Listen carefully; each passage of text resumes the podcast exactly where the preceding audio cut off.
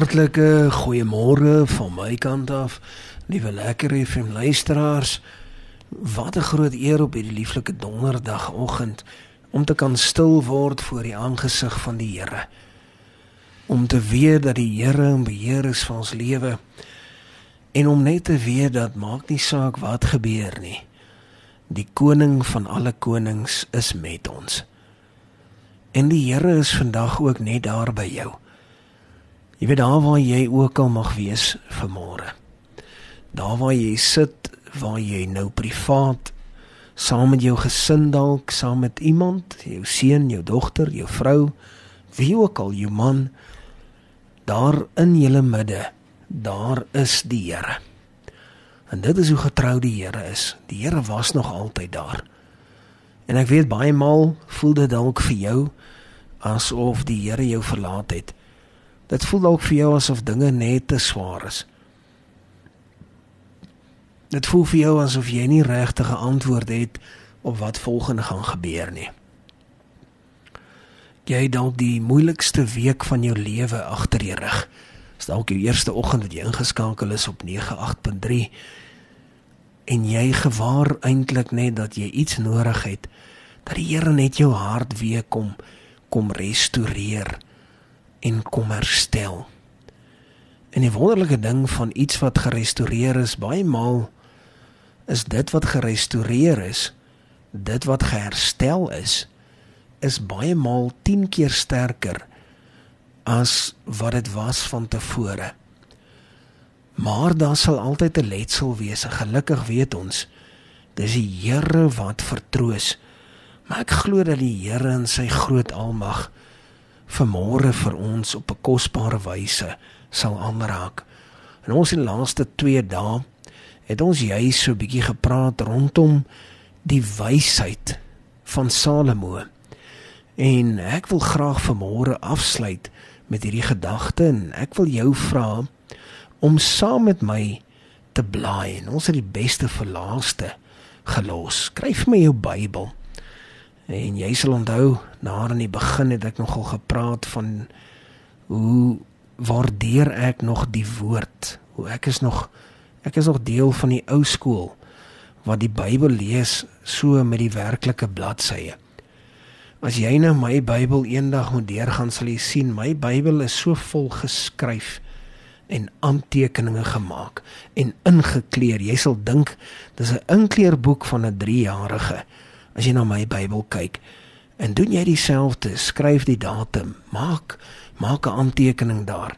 Ons gaan lees selfde skrifgedeelte uit die tweede boek van Kronieke, hoofstuk 9.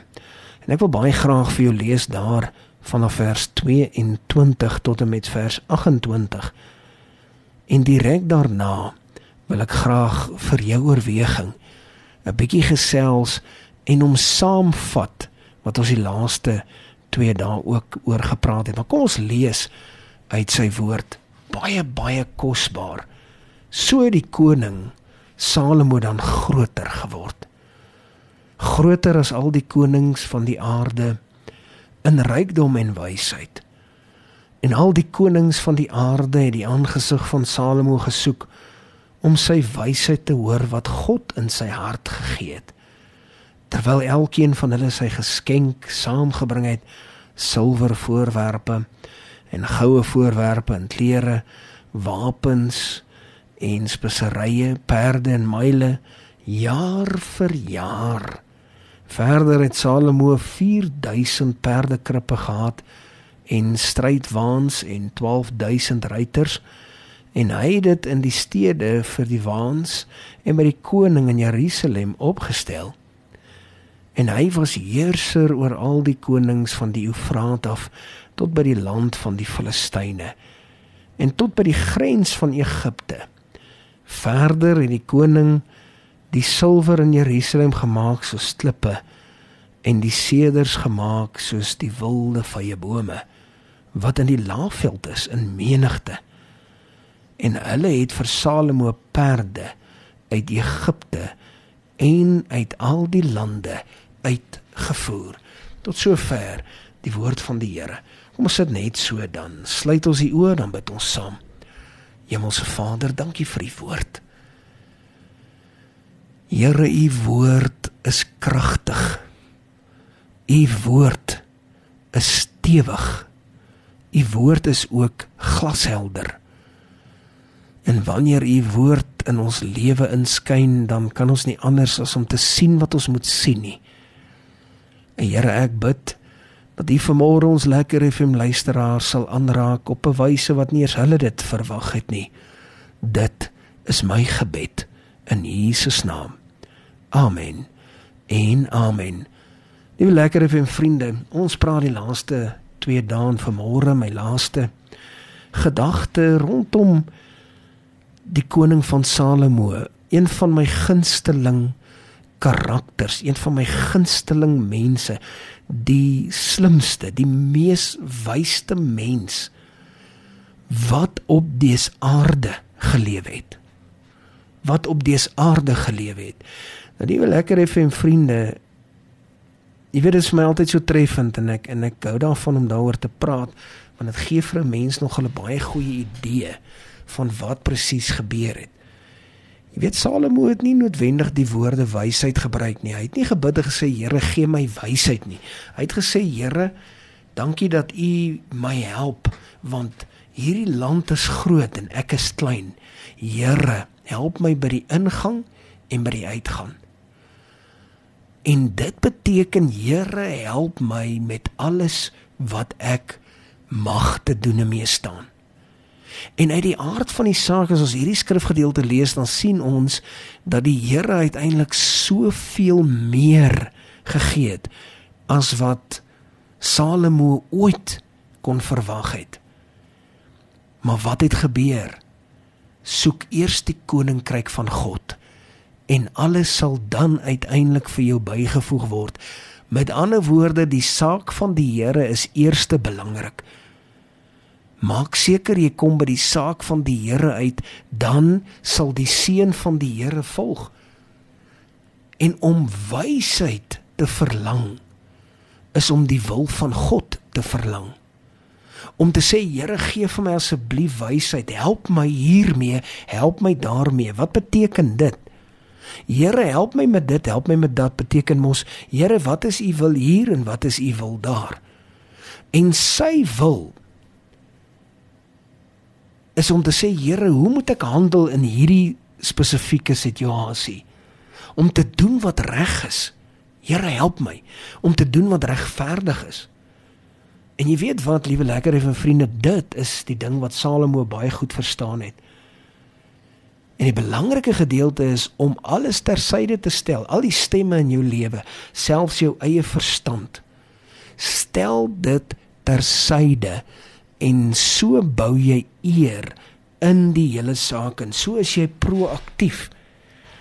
Want onthou net een ding, liewe lekker en vriende, geen mens kan ooit op sy eie slim wees nie. Dis die Here alleen. Die Here alleen maak van jou 'n wyse mens. Dit is sy wysheid. Onthou die woord van die Here sê, as jy wysheid kort kom, dan bid jy dit mos van die Here af. En as ek so kyk na Salomo se lewe, dan het hy vir my 'n paar dinge gewys. Hy het vir my gewys gebruik jou posisie tot eer en verheerliking van die Here binne in 'n verlore gaande wêreld. Baie mense kom en sê jong, ek wil nou nie my my posisie misbruik nie. Wat is dit? Ek het nog nooit so iets gehoor nie. Dat dit bestaan nie. Jy moet juis jou posisie gebruik en Salomo sê dit vir ons deur sy aksies. Onthou Salomo is letterlik die beliggaaming. Salomo, die Engelse woord sê dit vir my so mooi. Altyd as ek as ek dit so sê, dan dink ek aan die Engelse woord wat sê hy's die embodiment van die hoogste gesag wat alles gedoen het tot eer en verheerliking van die Here. En dit was vir hom die moeite werd. En met daardie wil ek amper sê gesindheid het hy nie net die mense wie hy regeer het het hy gewen nie maar hy tot heidene tot mense wat niks uit te waai gehad het met die Here nie. Mense wat gode aanbid het. Groot, groot, groot mense het hy geswaai gekry. Onthou die koningin van Skeba het hom kom besoek. En hy het haar so beïndruk dat hy haar gewen het. En dit is die groot ding.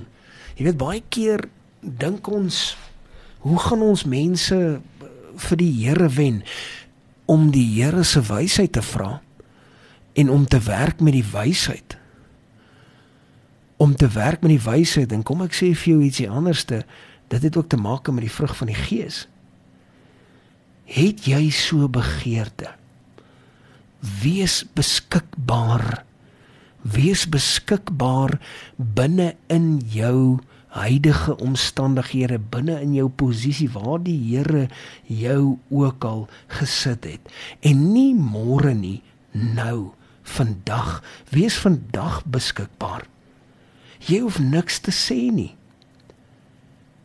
jy weet as ek nou hier as ek nou hier kyk jy hoef net die wysheid van die Here aan jou kant hê en en ek wil jou sê as jy mooi gaan kyk in die Engelse woord sê dit mooi die spoils, die voorregte wat uiteindelik toebesaai was aan Salomo as gevolg van omdat hy die saak en die wil van die Here eers gesoek het.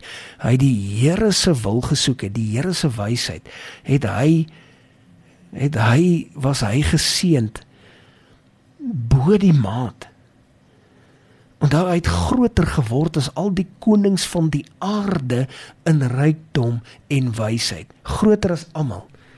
Groter en dieper as hulle almal. Ek meen elke keer as iemand vir hom kom kuier het, het hulle vir hom silwer gebring, het hulle vir hom goud gebring. Sy silwer en sy goud was so baie dat dit dit kon 'n hele rugbyveld vol gelê het. 'n hele rugbyveld. Ek meen hulle het vir hom klere gebring dat dat hy het vertrekke in sy paleis gehad wat net klere was. Ek bedoel so ver as wat die oog kan sien, het klere op klere op klere gehang. Wapens wat hy nie eers gebruik het nie. Wapens wat nog splinter nuut was wapens wat vir jare en jare stof vergader het en splinter nuut was, hy kon dit nie eens gebruik het nie. So baie het die Here hom geseën. Speserye wat hy nie alles kon proe nie. Ek meen, daar was so baie speserye wat wat hulle vir hom aangedra het. Dat dat daar was die spasie om die goed eintlik te huisves nie. Ek meen die perde en die muile. En dan sê die woord van God dit dis nie eenmalig gewees nie. Onthou, die woord van die Here sê jaar vir jaar. Met ander woorde elke iedere iedere iedere jaar. Met ander woorde wat hy hier sê is elke liewe dag van sy lewe tot hy gesterf het, het hulle vir hom goed aangedra. 4000 perdekrippe. Ek meen, liewe lekker en vriende, 4000, dit is soos 4000 perdestalle. Dink 'n bietjie. Strydwaans wat wat so ver soos die oog kon sien het dit gestaan. 12000 ruiters jy weet dit is dit is merkwaardig. 'n ruiter moet sê om 'n stryd waan ruiter te wees moet jy moet jy jou hele lewe opgelei word. 12000 ja hy was die heerser oor konings van die Eufraat uh, van die Eufraat af tot by die land van die Filistyne tot aan die kant van Egipte Ek meen die silwer het rondgelê as vir klippe was. Seder het soos wilde vye bome rondgestaan. Die dit was die moeite werd om die wil van God te soek. Besluit jy vandag om dit die moeite werd te ag om die wil van die Here te soek. Tot sover die woord van die Here. Kom ons sit net so, dan sluit ons die oë, dan bid ons saam. Hemelse Vader, dankie vir u woord. Dankie vir u liefde. Dankie vir u genade. Seën ons en seën Lekker FM. Seën ook al ons luisteraars in Jesus naam. Amen. En amen.